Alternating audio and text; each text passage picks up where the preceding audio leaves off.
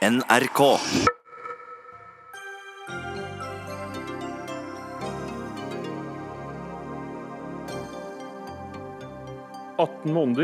Dommen mot eh, Therese Johaug ble dømt, møtt av tårer i langrennsmiljøet.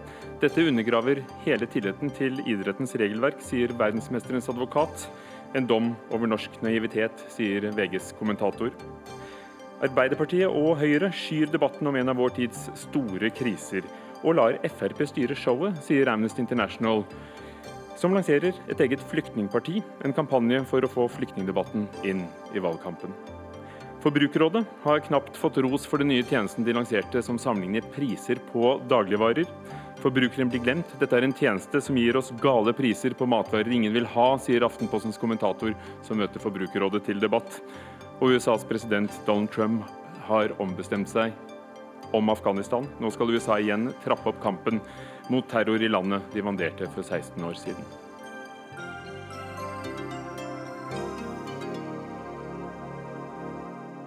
Velkommen til Dagsnytt 18 fra NRKs valgstudio utenfor Løvebakken, utenfor Stortinget. På TV og radio, hvis du vil ha enda mer, bruk emneknaggen NRK valg på sosiale medier. Ugo Fermarello i studio. Therese Johaug, verdensmester i langrenn, vil altså gå glipp av OL. Etter at hun i dag fikk dommen i idrettens voldgiftsdomstol, KASS, på 18 måneders utestengelse. Det var en dom som ble mottatt med tårer og stor skuffelse i langrennsmiljøet, og ikke minst av Therese Johaug selv. Først må jeg bare si at jeg, at jeg er helt knust. Jeg hadde en drøm om å gå OL, og det fikk jeg beskjed om i går at jeg ikke får.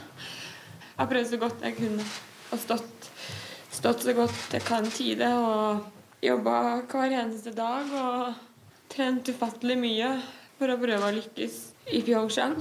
Så det er veldig tøft. Og um, jeg kan ikke skjønne den straffen jeg får. Jeg syns urettferdig, urettferdig behandla. Therese Johaug var der tidligere i dag. Christian Hjort, advokat for eh, Johaug. Er du like skuffet? Ja, vi er veldig skuffet over dette resultatet. Vi mener at 18 eh, måneder for bruk av en leppekrem hvor det er på det rene at det ikke har vært noe prestasjonsfremmende effekt eller hensikt, fremstår for oss som uforståelig og uforholdsmessig. Hvorfor? De følger jo regelverket her. Strafferammen, mellom 12, altså strafferammen er mellom 12 og 24 måneder, så dette blir midt imellom der. Eh, det virker da moderat? Nei, Vi syns ikke det. Vi er uenig i den uh, aktsomhetsvurdering som KAS-panelet foretar. I stedet for å uh, foreta en problematisering av hva man med rimelighet kan forvente av en utøver i den situasjonen som Therese var i, så ser vi at panelet i stedet hopper til andre avgjørelser og oppstiller nærmest en, en, absolutt regel om at man skal gjøre mer enn å høre med legen, som de da henter fra ulike avgjørelser som gjelder helt andre forhold. Vi mener at den tilnærmingen gir et uriktig resultat, er uenig i den aktsomhetsvurderingen som KAS-panelet foretar. Leif Elhaven, kommentator i, i VG, hva synes du? Først understreke at 18 måneder er noe høyere enn hva jeg også hadde trodd at det ville ende på. Hva gjelder det prinsipielle her, så er jo denne dommen en veldig tydelig understreking av at ansvaret for at ulovlige stoffer ikke finner veien til en idrettsutøvers kropp, er nødt til å ligge hos idrettsutøveren selv. Det er et hovedprinsipp som er helt nødvendig å ha dersom man skal kunne ha et effektivt antidopingsystem. Den er også veldig tydelig på at undersøkelsesplikten strekker seg utover å spørre en landslagslege om ting er OK eller ikke. Og Det går an å stille seg spørsmålet hva det hadde gjort med det idrettsjuridiske systemet dersom det skulle være tilstrekkelig å spørre legen. Da måtte jo det altså hatt anvendelse all over, og det ville ført til at det ville blitt veldig praktisk vanskelig å ta utøvere for stoffer som ikke skal være i kroppen, uavhengig om man har gjort det med vilje eller ikke med vilje. Er det regelverket det er noe i, i veien med, eller er det anmeldelsen av det? Nei, Vi bestrider ikke at idrettsutøveren har et ansvar her, men spørsmålet om det er grunnlag for utelukkelse, forutsetter at idrettsutøveren er å bebreide. Og Den vurderingen må alltid foretas helt konkret ut fra de omstendigheter som gjorde seg gjeldende i den enkelte sak det å sammenligne med andre saker hvor faktum har vært vesentlig annerledes, og oppstille objektive handlingsregler, mener vi er en feilaktig tilnærming. Vi mener at eh, det Therese gjorde i denne saken, er det veldig mange andre også ville gjort. Nemlig å undersøke, aktivt undersøke dette med en ekspert på området. Så vi er altså uenig i den eh, uaktsomhetsvurderingen som panelet gjør. En finsk kommentator Velaven, en kollega av deg, eh, sier at han er overrasket over at det ikke ble to år. Er det vi som er, som du skriver i avisen i dag, naive i Norge? Altså, jeg tror nok det har vært en viss grad av naivitet i det norske skimiljøet. Vi har jo hørt både Marit Bjørgen og andre uttale at eh, tilsvarende kunne ha skjedd dem.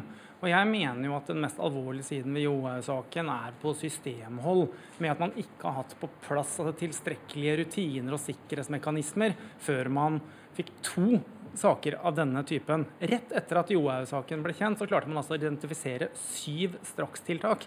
Dette er egentlig ganske elementære forhold som en organisasjon som med Norges Skiforbunds størrelse og profesjonalitet på andre områder selvfølgelig burde ha hatt på plass for lengst. Jeg reagerer også litt, selv etter at to domsinstanser har, altså, har kommet til at det må felles en dom over Therese Johaug, at det ikke er noen grad av ydmykhet å spore i at hun faktisk ikke har oppfylt det utøveransvaret som uh, tillegges henne. Selv om jeg syns altså veldig synd på henne ut fra hva, hva dette med, medfører. Så det er lett å se at oppleves som disproporsjonalt sett at hun da har tatt en leppekrem. Hjort, uh, hvordan, hvordan undergraver dette tilliten, legitimiteten til idrettens eget justisvesen, justisvesen, vi skal kalle det det? Jo, altså jeg synes at Selv om man skulle være enig i at Therese Johaug skulle gjort mer enn hun gjorde, selv om man legger det til grunn, så er det altså en ganske liten grad av bebreidelse man kan rette mot henne i den situasjonen hun var i. Og så mener man at denne mangelen som det da representerer, skal gi grunnlag for 18 måneders utelukkelse.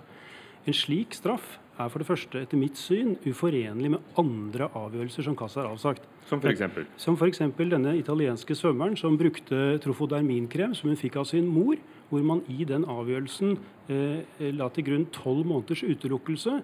En krem som hun da fikk av sin mor, og hvor man nettopp i avgjørelsen etterlyste at hun gjorde mer, nemlig i det tilfellet f.eks. å spørre sin lege. Det var nøyaktig det Therese Johaug i denne saken gjorde. Ikke bare en hvilken som helst lege, men en ekspert på området som hun hadde tillit til. Det var ingen røde varsellamper som tilsa at den forsikringen hun fikk var feil. Og så Likevel så mener man at hun i denne saken fortjener ytterligere seks måneders utelukkelse. Det er jo klart uforenlig med den avgjørelsen. Og i seg selv, hvis jeg får føye til, så syns jeg at 18 måneders utelukkelse for en tabbe, som jo dette er Alle er enige om at det ikke var noe forsøk på noe juks i denne saken. Det var en tabbe. Man mente at hun skulle gjort ytterligere litt til. Og fordi hun ikke gjorde ytterligere litt til, så mener man at hun det fortjener to fulle sesongers utelukkelse. Og det er etter min eh, mening et resultat som undergraver tilliten og legitimiteten til hele regelverket. Og det er klart, du er jo Johaugs advokat, men undergraver det ikke tilliten når denne saken nå er anket til siste instans, at, at dere ikke viser noen ydmykhet overfor at ja, det er regelverket tolket dit hen at det er strengere enn det dere trodde? Ja, vi mener altså at aktsomhetsvurderingen er feil. Jeg gjentar det. Og Vi kan være uenige med KAS-panelet til vi blir blå. Men hvis vi nå skal slutte oss til at hun skulle gjort enda mer, så mener vi altså at denne utmålingen er helt uforholdsmessig og henger ikke på greip. Og eh, Her evner ikke idretten å skille mellom skitt og kanel, og det er undergravende for hele legitimiteten. Kass skriver jo selv Laven, at dette er ubetydelige feil, eh, non-significant. Eh, og Likevel altså, så bedømmes det såpass strengt. Er det, er det, regelverket som er feil? Er det tolkningen? Hvordan ser du det? Jeg synes at Noe av vanskeligheten med å diskutere Johaug-saken er at det har en tendens til å blande sammen to forskjellige diskusjoner. En diskusjon er på et overordnet nivå som handler om hva slags regler for utmåling man bør ha. Jeg mener at dette gulvet på tolv måneder fremstår unødvendig rigid, og at det burde være mulig å differensiere en straff mellom også null og to måneder ut fra konkrete forhold i den spesifikke sak. Det som jeg synes er Problemet med store deler av den norske opinionen, er at man liksom argumenterer for at Therese Johaug burde bli dømt etter et regelverk slik man skulle ønske at det var. Mens i denne konkrete saken som nå er oppe for, eh, for Kass, så må selvfølgelig Kass ta hensyn til det regelverket som faktisk gjelder. Og Der syns jeg den norske opinionen ikke evner å skille det ene fra det andre. og Der syns jeg store deler at det norske skimiljøet overhodet ikke har klart å skille snørr og bart.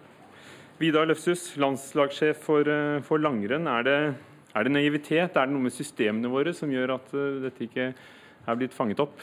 Ja, Vi har jo snakka mye om rutiner og kontroll. og det er klart Vi hadde jo rutiner og kontroll eh, før, både før Martin-saken og ikke minst eh, før Therese-saken. Men det er jo ikke noe tvil om at de, de, rutinene har vært for dårlige og har til dels svikta. Vi har jo bygd våre rutiner stort sett på erfarne, erfarne leger fra, som har lang erfaring i, i norsk idrett og, og lang erfaring fra norske sykehus. og så ble det jo gjort en del tiltak som, eh, som følge av den Martin-saken. Martin Sundby, altså? Martin Sundby-saken, ja, I forbindelse med at vi eh, tok tak i bruk av Ventolin. Det ble større fokus på egenkontroll eh, eh, i forhold til forstøver og bruk av forstøver. så kom det da en, eh, På utgangspunktet i den saken der, så kom det et granskingsutvalg som eh, la fram eh, en rapport. og jeg tror det er vel, Den rapporten savner vel litt sånn sidestykke tror jeg, i norsk idrett i forhold til den åpenhet som, som,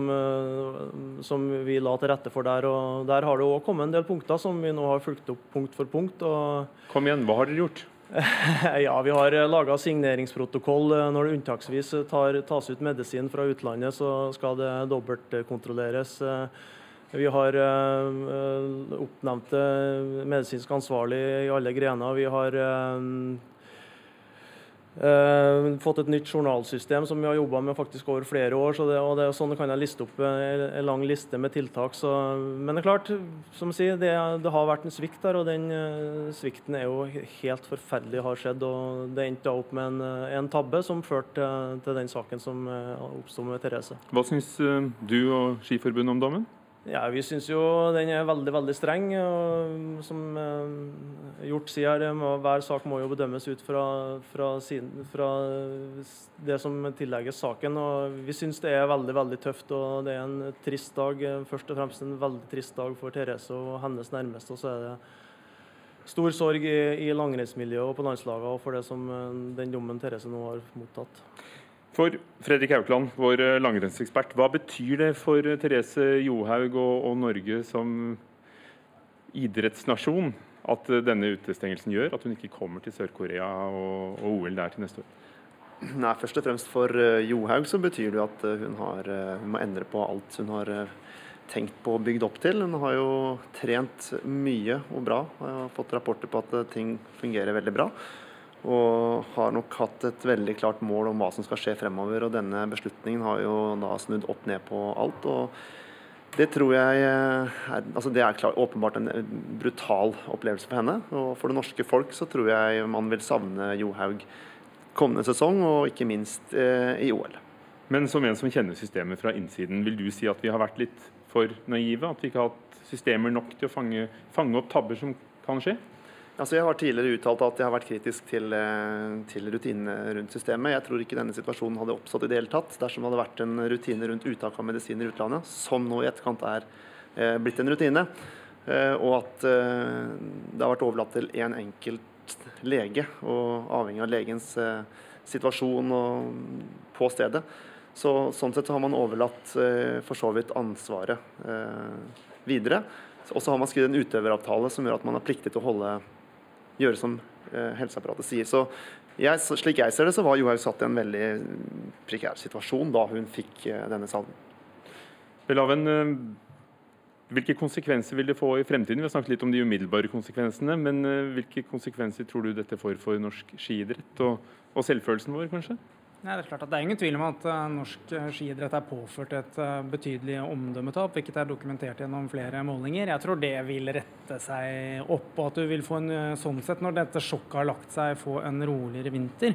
Men jeg etterlyser fortsatt den sterke interne debatten om hvordan dette kunne skje.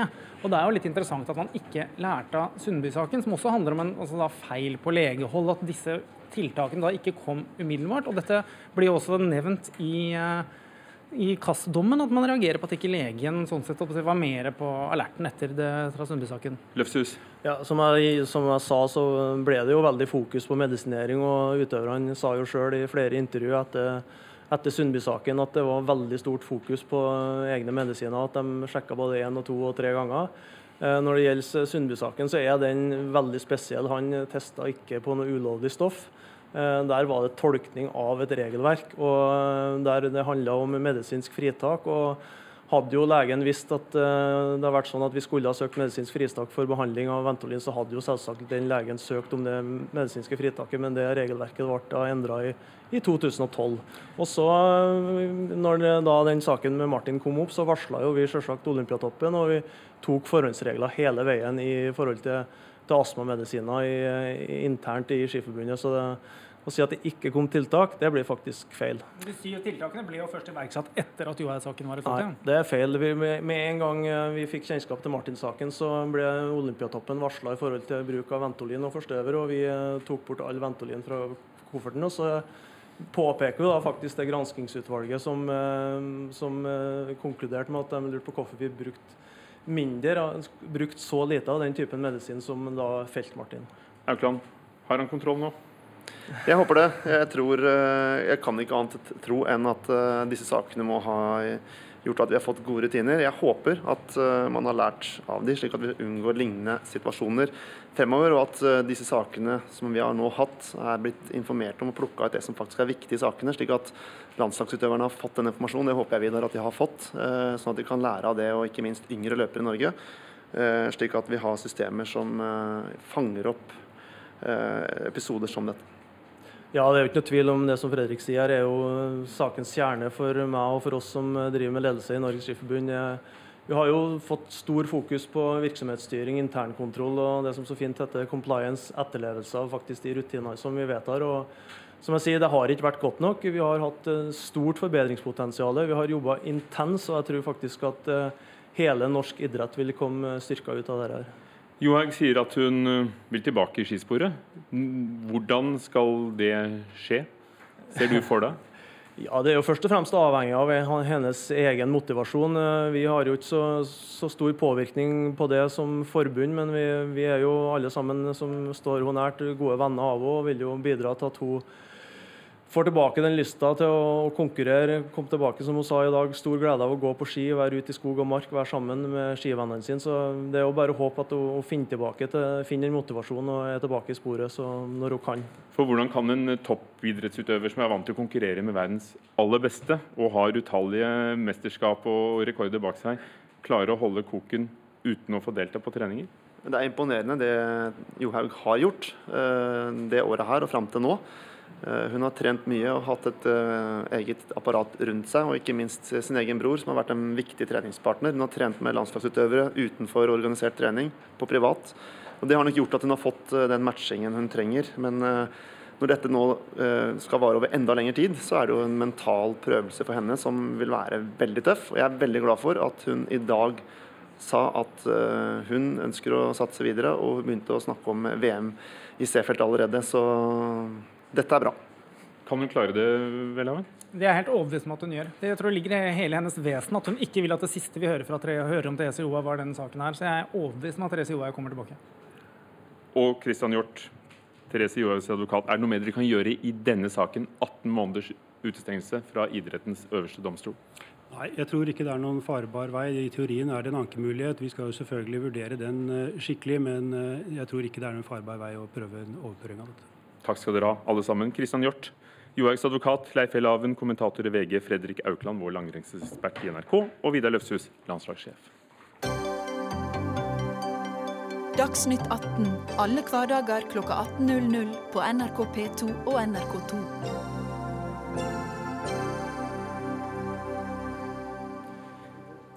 I mai i år oppnevnte olje- og energiminister Terje Søviknes et ungdomspanel. De skulle se nærmere på hvordan olje- og gassindustrien snakker med unge om olje og gass. I dag leverte panelet rapporten sin til olje- og energiministeren. Miljøpartiet De Grønne har allerede kritisert satsingen flere ganger. Men før vi hører om det, Safina de Klerk, leder av panelet. Dere skulle finne ut av hvordan fakta kunne komme frem når vi snakker om olje og gass, spesielt til unge. Og hva har dere funnet ut? Hva kan dere gjøre? Nei, det er jo presentert 13 forslag i vår rapport eh, som vi mener eh, kommer til å bidra til å treffe bedre innenfor eh, sektoren barn og unge. Hvor vi kan ha en debatt som baserer seg mer på fakta og mindre på emosjoner. Og en debatt som kan ha en menneskelig retorikk atter en gang. men som en realist i ordets rette forstand. Et naturfagsmenneske som er opptatt av dette. Mener du at det er mer følelser enn fakta når vi snakker om olje i politikk og, og, ellers? Jeg mener at det har blitt en litt for emosjonell debatt. Vi er veldig flinke på å bruke store bøsord, og vi er veldig flinke på å snakke om at eh, vi koker kloden. Uh, og så er det på en måte den type retorikk vi forholder oss til. Jeg ønsker en litt mer nyansert debatt, eh, slik at vi kan få faktagrunnlag fra begge sider. Så kan du ta noen høydepunkter fra de 13 forslagene deres? Annet så mangler eh, næringen unge ambassadører med faglig forankring. Eh, næringen har en tendens til å sette seg selv i en forsvarsposisjon og går på defensiven i øyeblikket de blir kritisert. Det skaper ingen tilhørighet, det skaper ingen engasjement blant ungdommen i dag. Hulda Holtvedt, eh, leder i Grønn ungdom i Oslo. Dere har kommet med flere angrep på dette ungdomspanelet fra olje- og energiministeren. Eh, hva er det du er kritisk til hvis målet er å få frem fakta i debatten? Nå har jeg lest eh, rapporten, og jeg må innrømme at jeg syns det fortoner deg som en ganske absurd plan for å lure unge inn i en industri som er i ferd med å miste oppslutning i folket. Søkertallene til oljerelaterte studier har gått ned med 82% på tre år. Og én av fire mener faktisk at vi skal slutte å lete etter all ny olje og gass. Så for å motvirke dette her, da, så har dere laget denne rapporten og anbefaler bl.a.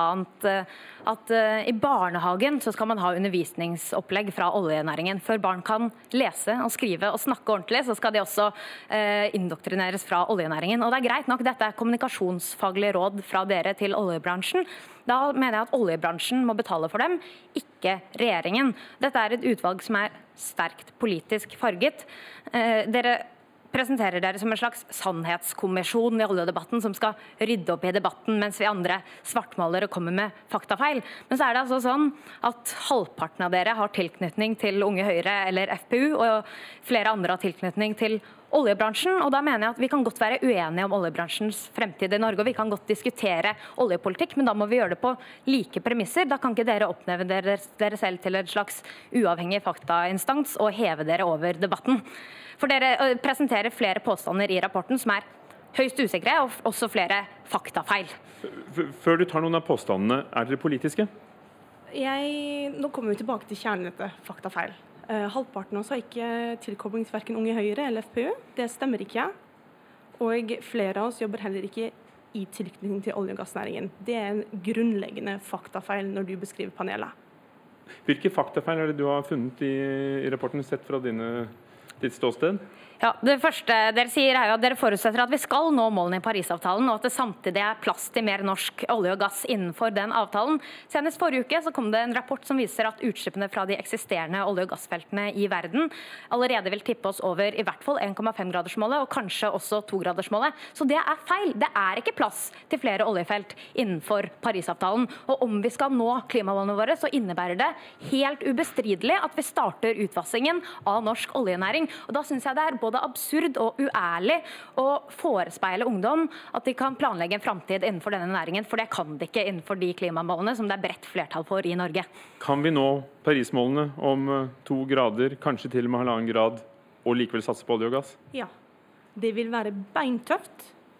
Det er det ingen som bestrider. Det er heller ingen som bestrider at vi før en siden må fase ut olje- og gassnæringen. Diskusjonen har aldri vært hvorvidt vi skal slutte å utvinne olje og gass. Diskusjonen er hvordan og i hvilket perspektiv og hvilken framgangsmåte skal vi ta for oss. Jeg vil gjerne påpeke noe av det du sa, med at uh, søknadene til oljerelaterte studier har falt med 82% Og der sitter du med problemet. Oljerelaterte studier. De er ikke oljerelaterte studier. Det er ingeniørstudier, det er teknologistudier.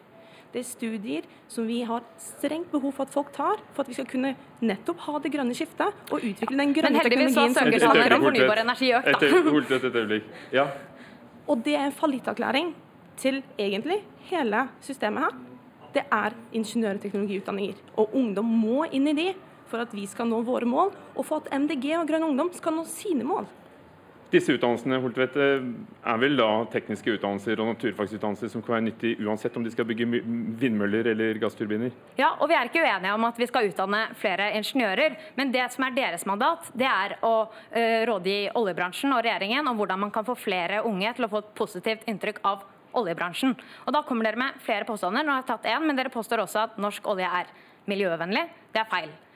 All olje slipper ut like mye uansett hvor i verden den brennes. Og så mener dere at ja, ja, fordi vi har litt lavere utslipp fra produksjon i Norge, så berettiger det at For det handler vel om produksjonen av oljen? Ja, det handler om produksjonen av oljen. og det er en ørliten bit av, av utslippene fra ø, olje kommer i produksjonen. Og Da mener dere at det berettiger, og det er, det er en faktaopplysning som berettiger at vi i Norge fortsetter med oljeproduksjon uh, lenge etter at verden må være fossilfri for at vi skal nå målene i Parisavtalen. Dette er ikke fakta, det er politikk. Vi kan gjerne diskutere det på like premisser. Da anbefaler jeg at hvis du tror på disse påstandene og mener at det er riktig, så kan du melde deg inn i Unge Høyre eller FPU, så kan vi diskutere politikk. Jeg syns det er usaklig at man skal oppneve en, en slags uh, Jeg tror du fikk frem det. Så la oss ta de poengene. Er dere snevre? Ser dere bare på produksjonen av olje og gass og glemmer at den skal svis av et eller annet sted? Ikke i det hele tatt. Vi ser også på bl.a. petrokjemi. Jeg er ganske sikker på at en del av dine gjenstander ville vært umulig å ha, hadde ikke vært for petrokjemien. Og det er det jeg sier, vi må finne alternativer. Og vi må jobbe for alternativene. Men alternativene foreligger ikke enda. Og derfor mener jeg at det må være en diskusjon basert på fakta og som faktisk lar oss ha to tanker i hodet på en gang. Hvor vi kan jobbe mot en grønnere hverdag og et nullutslippssamfunn, samtidig som vi tar høyde for at vi har behov her og nå. Olje- og energiminister Terje Søviknes, eh, du er med oss og har eh, lyttet. Ja, Hva syns du om forslagene du har fått og, og kritikken som kommer? Jeg syns det er en eh, god rapport som er utarbeida på kort tid fra åtte engasjerte ungdommer som har fått en, en, krevende oppgave der de skal både se på budskapet som skal formidles til unge, eh, hvordan man skal presentere budskapet, og ikke minst på hva plattformer vi skal presentere dette. Og det er jo sånn at Dagens unge de eh, hører ikke på radio- og TV-sendinger som vi gjorde i sin tid.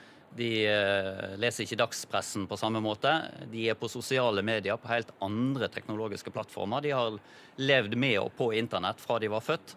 Eh, og da må vi òg som eh, myndigheter, og ikke minst olje- og gassbransjen, tilpasse seg dette i fortsettelsen. Men du har jo håndplukket dette panelet for å tale nettopp olje- og gassindustriens sak i Norge, har du ikke det? Ser du at det kan oppfattes som politisk? Feil. Er det det? Nei, det er helt feil. De er ikke håndplukka for å tale bransjens sak. De er håndplukka som engasjerte ungdommer som har vist interesse for området, enten fordi de har en eller annen tilknytning til eh, teknologiutdanninga eller olje- og gassbransjen, eller fordi man har studert eh, medie og, og kommunikasjon. Og det de har fått i oppdrag, det er ikke å utforme noe politikk for olje og gass, eh, eller ta stilling til om vi skal ha olje og gass eller klimaproblemstillinger. De skal rett og slett snakke og, komme med råd omkring kommunikasjon. Og vi må erkjenne at olje- og gassbransjen er en ganske konservativ bransje. Det er mange eldre menn med og uten hår. Eh, og at man har en utfordring til, uh, i det å kommunisere godt uh, med ungdommen. Eller kan det være at ungdommen har forstått, og at de er mindre interessert?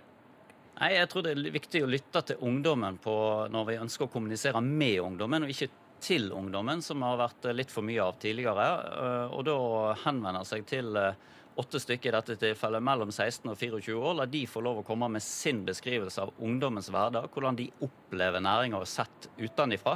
Det er utrolig nyttig for oss som myndigheter, og ikke minst for olje- og gassnæringa sjøl. Men i, i Safina de Klerk, i arbeidet med å, å snakke til ungdom, skal dere virkelig inn å la oljebransjen selv uh, forelese i barnehagene? Ha. Ikke i det hele tatt. Jeg, jeg, tror forslaget du peker på, er bruk av vitensentre. Nei, Viten... dere foreslår å starte med undervisningsopplegg i barnehage og skole. Men det gjøres det jo via nettopp vitensentre. Vi har også påpekt at vitensentrene må også få total, total egen rådighet over undervisningen de da legger opp til. Fordi olje og gass er fysikk, det er matematikk, det er biologi, det er kjemi, det er etikk, etikk det er økonomi. Dette er undervisningsfag som også kan knyttes til det som har vært Norges viktigste næring. Og det å stikke det under en stol, det funker ikke. For det er jo sånn at Forbruket av olje og gass går jo fortsatt opp i verden, store deler av verden. og Kan ikke den olje og gassen som fortsatt trengs en stund, lages på best mulig måte, og, og kanskje i Norge? Ja. Eh, dere refererer selv til Det internasjonale energibyrået, som spår at i 2050 så vil det være, oljemarkedet vil være på ca. 45% av dagens nivå, eh, og man eh, samtidig skal nå togradersmålet. Å forutsette at Norge er det siste produsenten av olje på et marked som er veldig veldig mye mindre, det tror jeg er naivt. For oljen i Norge er dyrere enn oljen i mange andre land. Mens oljeprisen nå ligger på rundt 50 dollar, så er mange nye norske, norske felt avhengig av rundt 100 dollar fatet. Så også fra et økonomisk økonomisk perspektiv så mener jeg at det er lite fremtidsrettet å tenke at Norge skal være de siste som står og selger olje på et marked der fornybar energi stormer framover. For selv om dere begge påberoper dere fakta Ja, Søviknes, ta et ord fra Ja. Bodø, er du snill. Ja, fordi at dette, dette vet eh, representantene fra, fra Grønn Ungdom at ikke er korrekt. Vi har nye felt nå som bygges ut i Norge. Castberg i eh, Barentshavet bygges nå ut med, etter hvert med en eh, break-even-pris, som det heter på fagspråket. Dvs. Si hvor mye man må ha for hvert fat eh, olje produsert for å gå i balanse. og Det er snakk om 30 dollar fatet, altså langt under den oljeprisen vi har i dag. på 50 Dere, vi kan ikke gå inn i prisdiskusjonen. jo, men det er viktig for å få fram det langsiktige perspektivet som denne næringa har. og Da trenger vi de kloke hodene og de flinke hender i næringa fortsatt, fordi vi fortsatt skal være en verdensledende olje- og gassnasjon som ligger helt i front av teknologiutviklinga, og når det gjelder miljø og det å redusere CO2-utslippene fra vår olje- og gassproduksjon på norsk sokkel. Safina de Klerk, det handler vel også, selv om dere begge alle tre påberoper dere fakta i saken, om å vekke entusiasme og begeistring? Selvfølgelig.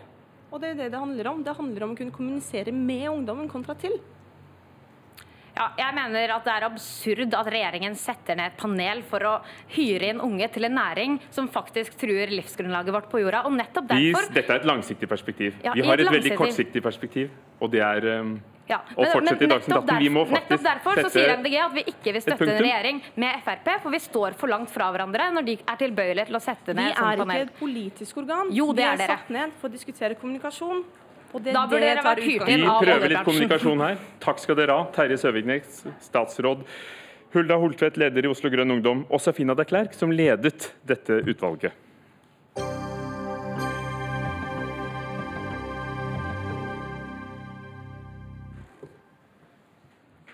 Det skal handle om andre saker som eh, får eller ikke får nok oppmerksomhet i valgkampen. Over 65 millioner mennesker i verden er på flukt, over tolv ganger Norges befolkning. Likevel kommer flyktningsituasjonen langt ned på listen over valgkampsaker. Flyktninger er blitt tabu for alle andre enn Sylvi Listhaug, mener Amnesty International, menneskerettighetsorganisasjonen, som i dag lanserer en ny kampanje for å, å løfte saken frem. Ja, faktisk kaller de det et flyktningparti. Jon Peder Egenes, generalsekretær i Amnesty International i Norge. Arbeiderpartiet og Høyre, som begge står ved din side her, skyr debatten om flyktningsituasjonen, eh, sier du. Um, Er det rart at andre ting blir viktige når færre kommer til landet og banker på døren? Ja, det er eh, rart. fordi det er sånn at Hvis vi ser på eh, valgkampen slik den, slik den foregår nå, så skulle man tro at flyktningkrisen i verden var løst. Og Riktignok kommer det langt færre til Norge, men det betyr jo ikke at antallet flyktninger i verden har blitt mindre. Og flyktningedebatten er mye mye større, selv om det er en viktig del av den å diskutere hvor mange kvoteflyktninger skal vi ta i Norge, hvilken behandling skal enslige mindreårige få osv. Men, men flyktning, flyktningedebatten er veldig mye større enn det. Det handler om hvilken rolle skal Norge ta i det store internasjonale politiske løftet, som forhåpentligvis bl.a. Uh, har en, eh, et kapittel i FN i, i september eh, 2018. Det handler om hvilken rolle skal vi spille i Europa, hvor det er helt åpenbart at vi må fordele ansvaret bedre. Det er noen i Europa som sitter med et veldig stort ansvar, og vi sitter nå med, ifølge Aftenposten, 0,3% av de asylsøkerne som kommer til Europa, kommer til Norge. Så hva vil du gjøre da? Nå er du da, skal vi kalle deg leder i Ja, nystart, ja. fiktive partiet Flyktningpartiet. Dere har jo til og med laget Button og så har dere laget partiprogram. Ja. Hva står det i det? I det partiprogrammet står det både om hvordan vi mener man skal ta denne rollen internasjonalt. Norge må gå aktivt inn og jobbe for en mye tydeligere ansvarsfordeling mellom de ulike statene. Ikke bare i Europa, men i verden. Vi må ta en aktiv rolle i forhold til FN og andre fora. Vi er nødt til å gjøre det samme. Det fins organer i Europa som man kan utnytte bedre for å forsøke å få til det samme i Europa. Og så er vi nødt til å spørre oss selv er det en suksess at det ikke kommer noen eh, asylanter til Norge omtrent. Er det en suksess, eller er det først og fremst å lukke døren for mennesker som trenger hjelp? Fordi de blir strandet i Libya, fordi de blir strandet i Italia, fordi de strander i Hellas, mens de faktisk er i en ganske ekstrem livssituasjon. Eh, Det betyr ikke, og det understreker vi i partiprogrammet, at Norge skal løse dette problemet alene. Det har vi ingen tro på. Problemet er altfor stort til det.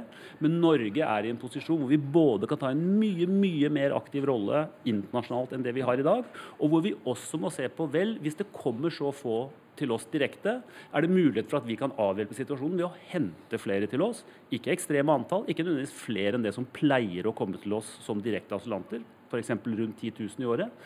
Eh, asylsøkere, mener jeg. Eh, men, men, dette, men, dette, men, dette, diskuteres ikke. Det er ingen som diskuterer det akkurat nå. Det er som om eh, eh, ingen av partiene ønsker å gå inn i den debatten, selv om den altså er skal jeg si, eksistensiell for ja, la oss si i hvert fall 22 millioner mennesker av de som har flyktet ut av sitt eget hjemland. Espen Barth Eide, stortingskandidat for Arbeiderpartiet. Du har spasert rett inn i, inn i, denne debatten, men har dere glemt den i partiet ellers? Nei, eh, det har vi ikke. Og vi vil gjerne ta denne debatten, for det er en veldig viktig debatt. Jeg ønsker det utspillet som Eggenes og, og Amnesty nå kom med i dag, varmt velkommen. Jeg synes selv at det har vært for lite fokus på de internasjonale utfordringene som rammer inn også norsk politikk i den norske valgkampen. Så det mener jeg er riktig, og ikke minst eh, den største flyktningkrisen siden andre verdenskrig, som vi står midt oppi. Og jeg vil bare si at det er helt riktig at selv om vi i Norge nå har et flyktningeforlik som vi står sammen om i forhold til å være streng og rettferdig, eh, så er det nesten et enda større ansvar for Norge å da ta et ansvar der ute for å være med på å gjøre de internasjonale mekanismene, både de globale gjennom FN og de vi står sammen med EU-landene om, enda mer effektive. Fordi systemet er ikke bra i dag. Altfor mange mennesker lider altfor mye. Og hvis vi ikke tar tak i det nå, så vil problemet vokse seg større og komme og bite oss i alle fall. Er det flyktningene selv, eller er det også den europeiske situasjonen? Er det Italia og Hellas du, du tenker får en urettferdig del av byrden? Ja, det er begge deler, selvfølgelig. selvfølgelig er, altså, utgangspunktet her, hvis vi skal tenke veldig stort, det er jo grunnen til flukt. Altså, Hva er det som gjør at mennesker flykter, og hvordan forholder vi oss til det utenrikspolitisk? Eh, det neste er jo når mennesker er på flukt, så er det slik at 85% av alle flyktninger i verden befinner seg i det vi kaller det globale sør, i land som er vesentlig fattigere enn Norge, har vesentlig dårligere infrastruktur og er politisk mye mye mer ustabil enn Norge. og stort sett Men hvem skal vi hjelpe? Fordi flyktninger fra fra visse land vil jo i over 90% av tilfellene, som er, er tilfellet med f.eks. unge menn fra Afghanistan, få et avslag og bli sendt ja, vi, tilbake. Ja, det, og det er, er, vi for så vidt kritiske til. Det voldsomt høye tallet på avslag til unge afghanske menn, gitt den situasjonen som er i Afghanistan. Men Det var bare et eksempel. Men, men fordi det er jo ikke alle. Hvem er det vi bør hjelpe? For alle kan vi ikke hjelpe. Vi bør hjelpe for det første så mange flyktninger som mulig gjennom å jobbe internasjonalt systematisk. Og så må vi være åpne for at hvis det fortsetter, at det ikke kommer asylsøkere til Norge så godt som, så må vi se ok, er det andre måter vi kan øke antallet mennesker vi hjelper på, og dermed hjelpe de enkeltmenneskene det er snakk om, altså flyktninger. Og de statene der disse asylsøkerne eh, blir sittende fast. Og Det kan være ikke nødvendigvis umiddelbart videre med opphold med å si vi kan hente et antall mennesker fra Italia, vi kan hente et antall mennesker fra Hellas, vi kan behandle asylsøknaden deres her. La de som har rett til å bli her, bli her, og sende hjem de som ikke har rett til beskyttelse. Fabian Stang, statsråd, øh, statssekretær faktisk for ja, ja, ja, ja innvandrings- og integreringsministeren, og du er fra Høyre. Vi har tatt imot 0,3% øh, av Europas asylsøkere det siste året. Det færreste på mange år, ifølge en analyse Aftenposten akkurat har eh, publisert. Gjør vi nok? Ja, det, dette er jo tall som varierer fra år til år. Eh, for noen år siden så tok vi eh, imot langt langt flere enn vi noen gang tidligere har gjort. Og jeg tror det er viktig å presisere at vi skal ha en rettferdig, men, men streng asylpolitikk. Og jeg tror at vi eh, gjør ganske mye i forhold til eh, den utfordring vi har ved å ta imot eh, overføringsflyktninger, sånn som vi har avtalt, eh, og den type ting. Men disse utfordringene kan ikke løses i Norge. Eh, vi snakker om en verden med FNs FN sier 65 millioner. Det er de som har klart å flykte. Da tar vi ikke med de som ikke har klart å flykte. Kanskje det er 200 millioner som oppfyller vilkårene for asyl. Og vi skal hjelpe de som flykter, men det er nok aller viktigst at vi jobber intenst for å avhjelpe grunnen til at de flykter. Og Norge må bidra eh, eh, i stor grad for å ikke minst sørge for at økonomien i mange av de landene folk flykter fra, bedres. Jeg tror at vi gjør flyktningene en, en, hjelper flyktningene bedre hvis vi sørger for at økonomien i disse landene gjør at det blir mulig å være der i fremtiden. For der vil det vel være en forskjell på de som eh, forlater landet sitt av økonomiske grunner, ja, det, og de som litt, flykter fra, fra, krig eller ja, forfølgelse? Men, men, vi må jo også kunne avhjelpe, bidra til å avhjelpe eh, krig og forfølgelse. Eh, men jeg tror at det ofte kan skje gjennom en bedret økonomi. Og eh, vi ser jo at en del av de som kommer, er de mest ressurssterke. Eh, sånn at det er en utfordring det at de de beste reiser, som egentlig skulle vært hjemme, for å forbedre sitt samfunn. Økonomi eller diplomati, Eide? Men selvfølgelig, og jeg tror vi alle er enige om, og Amnesty sier også det, at vi må selvfølgelig ta tak i roten, i årsakene. Det har å gjøre med dårlig styresett, det har med krig og konflikt, og det har med lav utvikling å gjøre. og Derfor må vi ha, styrke innsatsen for bistand og styrke innsats for fred og forsoning. Eh, og det vil Arbeiderpartiet gjøre slik vi har pleid å gjøre hvis vi eh, får, eh, får makt og myndighet i Norge. Men det kommer ikke til å ta vekk på kort sikt det at det fortsatt vil komme flyktninger. Og Derfor så må vi også investere i det internasjonale systemet. Høykommissæren for flyktninger må få mer ressurser, mer autoritet til å ta viktige beslutninger. Vi må hjelpe de landene som ligger nærmest og tar den største børen. Både med å håndtere flyktningene, men også håndtere sin egen befolkning. Slik at ikke de kommer i skvis da, mellom eh, altså i et allerede fattig land at det kommer i skvis når millioner av mennesker kommer inn, som det skjer i Libanon og, og, og i Jordan og i Tyrkia og i en rekke land i Afrika, som tar de store, eh, de store volumene. Og Da må vi bidra betydelig mer der. Og vi må altså erkjenne at dette er et globalt problem som krever globale løsninger, og vi må ta vår del av det ansvaret mer enn vi gjør i dag. Så hører du, Egnes, de har reflektert? Jeg hører at de har reflektert, og jeg er veldig glad for, for mange av synspunktene her. Og, og hører at vi tenker likt på en del områder. Men dette må ikke føre til at vi nå Eh, nærmest eksporterer hele flyktningpolitikken vår heller. At eh, vi trenger ikke tenke på hva vi skal gjøre i Norge, for nå skal vi gjøre alt ute. Jeg er veldig enig og glad for at vi må gjøre en større innsats ute, både økonomisk, diplomatisk og politisk. Men vi er også nødt til å se på vår egen politikk her hjemme. Hvor streng skal den være? Hvor, hvor skal vi i det hele tatt diskutere, som jeg vet Arbeiderpartiet gjør, om flyktningkonvensjonen faktisk gjelder lenger? Altså det, er, det, er, det er ting i den norske flyktningpolitikken angående situasjonen her hjemme, som vi er nødt til å se nærmere på også. Og som, og som jeg bare har lyst til å si én ting.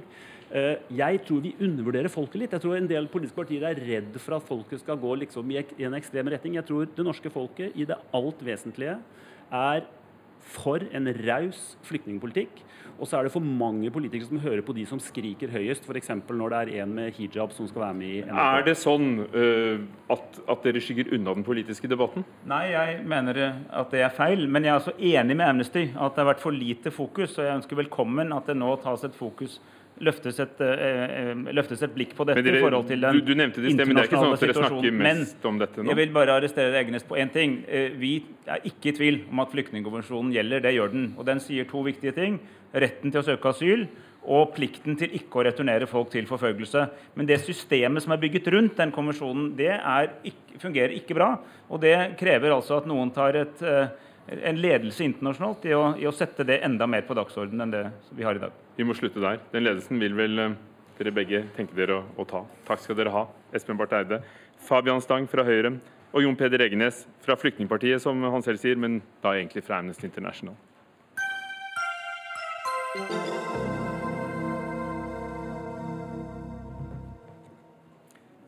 USAs president Donald Trump har ombestemt seg om Afghanistan og vil nå styrke USAs militære innsats eh, i, i landet. Det er snakk om 4000 soldater. Vi er ikke med på å bygge en nasjon. Vi skal drepe terrorister, sa Donald Trump i natt, og hadde ikke mye til overs for de som hadde prøvd seg på nasjonsbygging tidligere. Det er snart 16 år siden USA gikk inn i Afghanistan. I dag består eh, styrken deres av 8400 soldater, og nå blir det altså flere. Tove Bjørgaas, eh, vår korrespondent i Washington. Hva er grunnen til denne opptrappingen? For det var jo ganske uventet fra hans hold? Ja, og Donald Trump sa jo også at han, eh, hans instinkt var å trekke styrkene ut av Afghanistan eh, da han holdt denne talen sin i går, men at han har lyttet til generalene og andre ledere, og at han har kommet fram til at det ikke går an å avslutte USAs 16 år lange engasjement i Afghanistan nå. At han er nødt til rett og slett å å, holde styrken der, og altså sende 50% flere styrker til Afghanistan eh, for å forhindre at IS og Al Qaida vokser seg sterkere. Hvordan blir dette mottatt i, i Washington, for det er jo en helomvending i forhold til hva han har sagt tidligere? Det er, det er jo det, og det blir motsatt veldig delt. Altså, I det politiske eh, etablissementet her så, så, får Donald Trump eh, mer ros i dag enn han har fått på svært lenge. Eh, ekspertene sier at han har lyttet nå lenge og kommet fram til en fornuftig beslutning, men at det selvfølgelig er veldig vanskelig å se hva som vil skje videre i Afghanistan om USA noensinne kan trekke alle styrkene ut. Men eh, mens blant presidentens mer ihuga tilhengere, og også på høyresiden, f.eks. hos Breitbart News, der hans sjefstrateg Steve Bannon nå igjen er på plass som redaktør, så får presidenten det glatte lag eh, for ikke å, å stå ved det han lovet i valgkampen, nemlig at han ikke skulle sende flere eh, styrker til Afghanistan. Afghanistan first, er det mange som sier i dag. Det skal jo være Amerika først for Trump. Men hvorfor kom det nå? Er det noen um, forklaring blant kommentatorene? Det det kommer nå fordi Trump har hatt en lang prosess her med den militære ledelsen. og Han fulgte altså nå anbefalingen til Pentagon.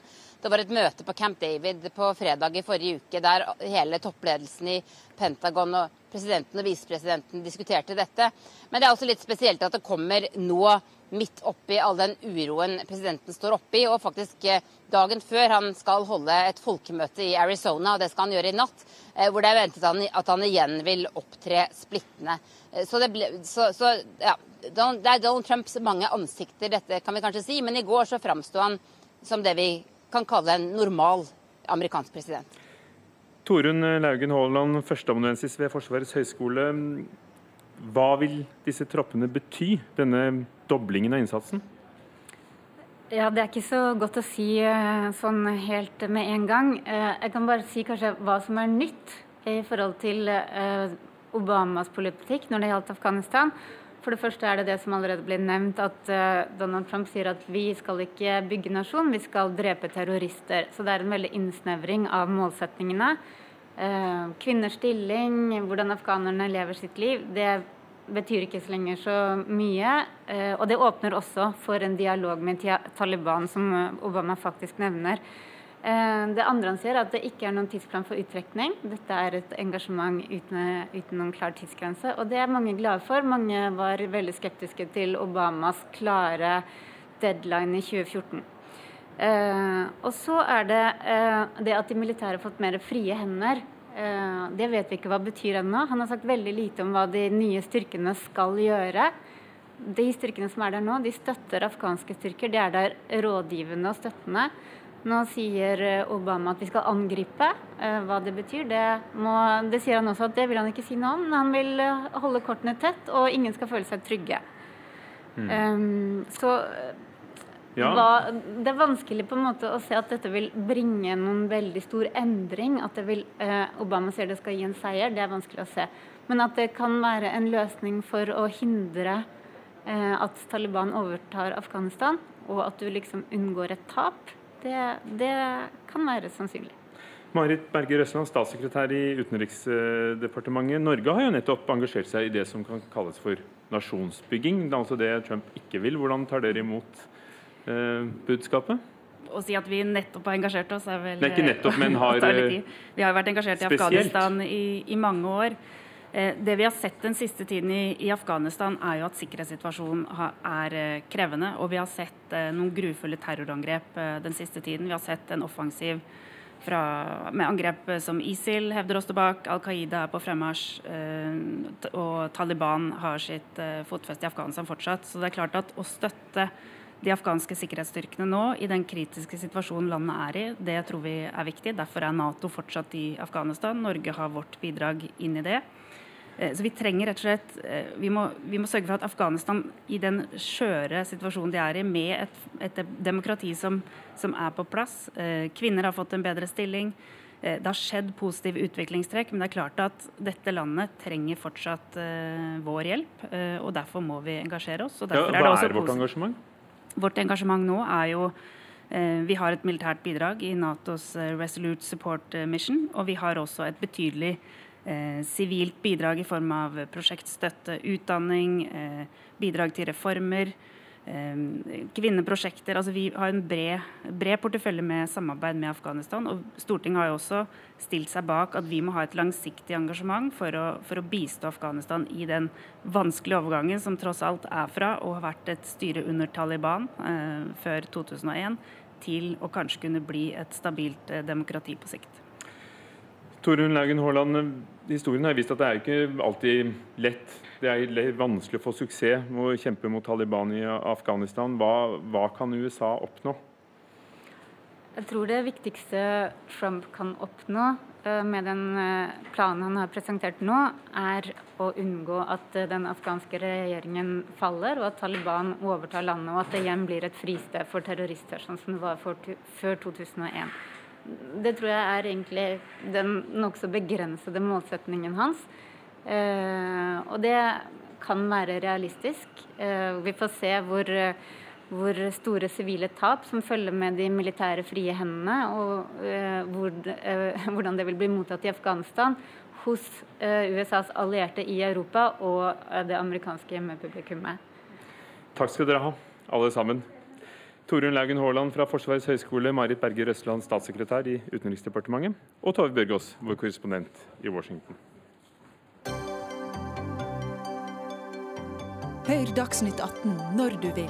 Radio NRK Radio.nrk.no.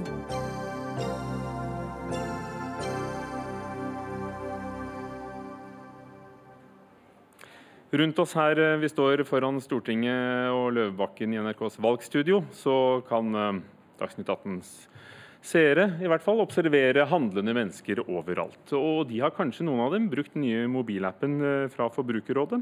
Forbrukerrådet har nemlig brukt 7 millioner kroner for en, eh, en, tjeneste, Peiling, som skal vise hva matvarer kostet i sanntid. Og, og, brukerne selv kan da velge hvilke varer som skulle inngå i denne eh, prissjekken. Det var i hvert fall meningen. Men Konkurransetilsynet satt foten ned for det, og denne appen Peiling viser nå hva en handlekurv med 200 utplukkede varer kostet i forrige uke hos de utvalgte dagligvareaktørene. Joakim Lund, kommentator i, Aftenposten. Eh, du er ikke nådig i din kommentar i avisen om tjenesten. Den gir gale priser på varer ingen er interessert i. Hva er feil? Ja, jeg tror Intensjonene var sikkert de beste, men så er jo eh, veien til helvete brolagt med gode eh, intensjoner.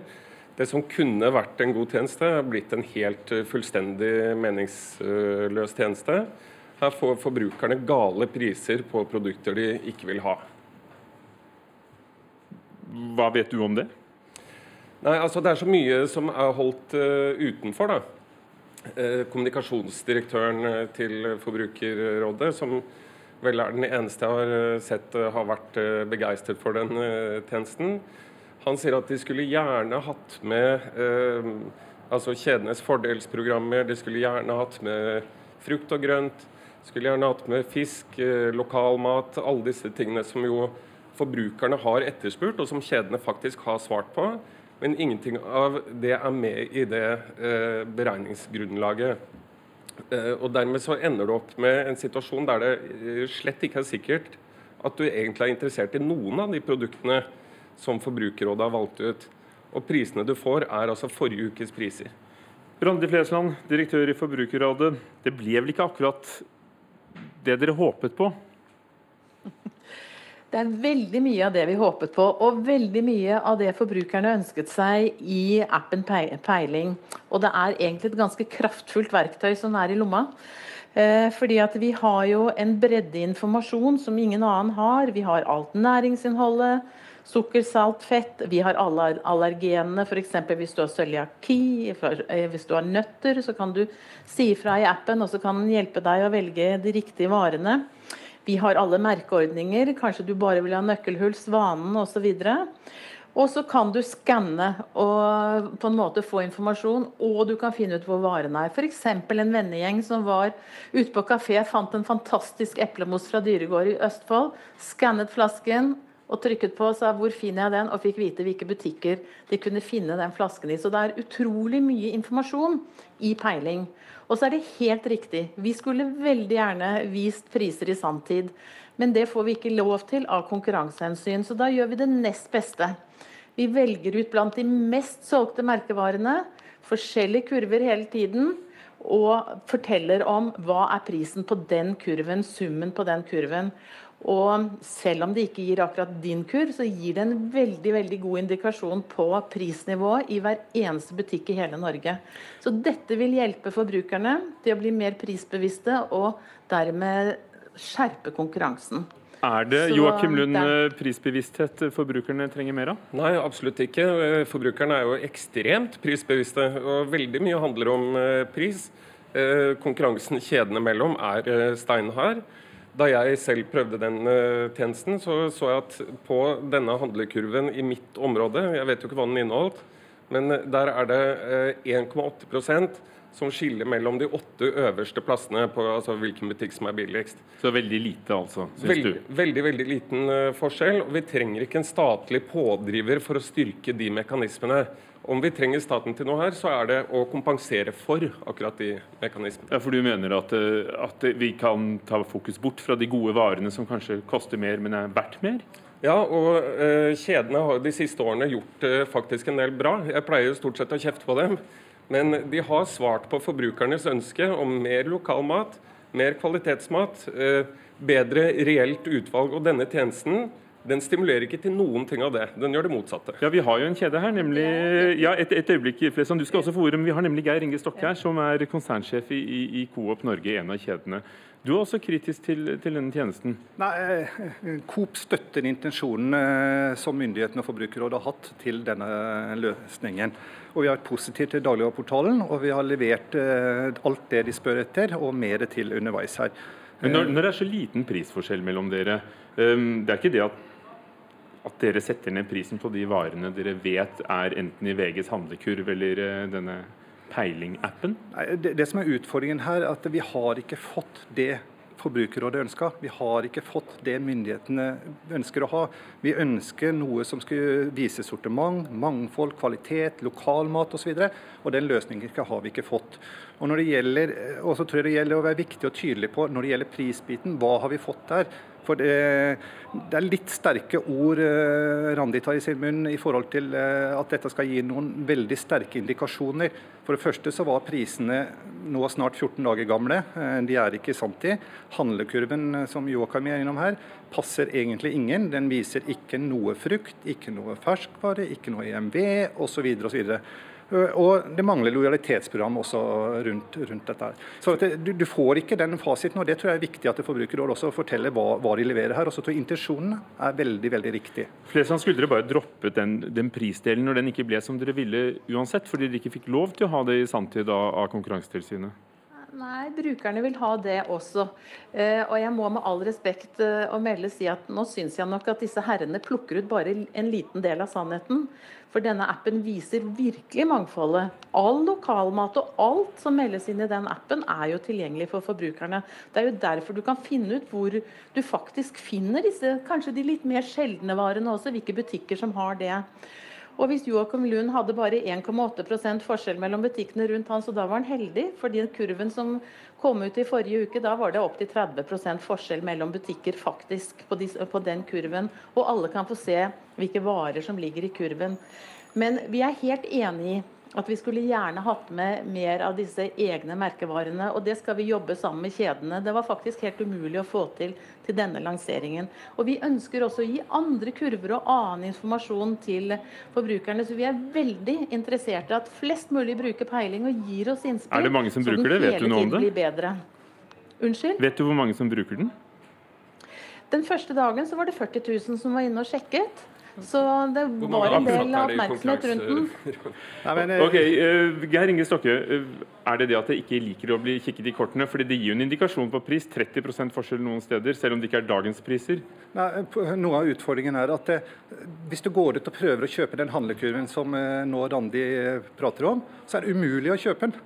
Du, du, klarer ikke gå inn i én butikk og kjøpe de produktene. Men gir det ikke en indikasjon på hvem som er gode på pris? Det gir en på... indikasjon på de varene forrige uke. Og Joakim Lund, du kan finne den lille rare eplemosen med denne appen, selv om du ikke får prisen på den alltid? Det kan jeg, det kan jeg absolutt, men uh, her snakker vi altså om en tjeneste som gir gale priser på produkter uh, du ikke vil ha. Det er uh, vanskelig å forsvare det, tror jeg. Nei. Takk skal dere ha. Randi Flesson, du får ikke si mer. Direktør i Forbrukerrådet Joakim Lund fra Aftenposten og Geir Inge Stokke, administrerende i Coop. Dag Dørum var ansvarlig for Dagsnytt 18. Frode Thorshaug, teknisk ansvarlig. Takk for i dag.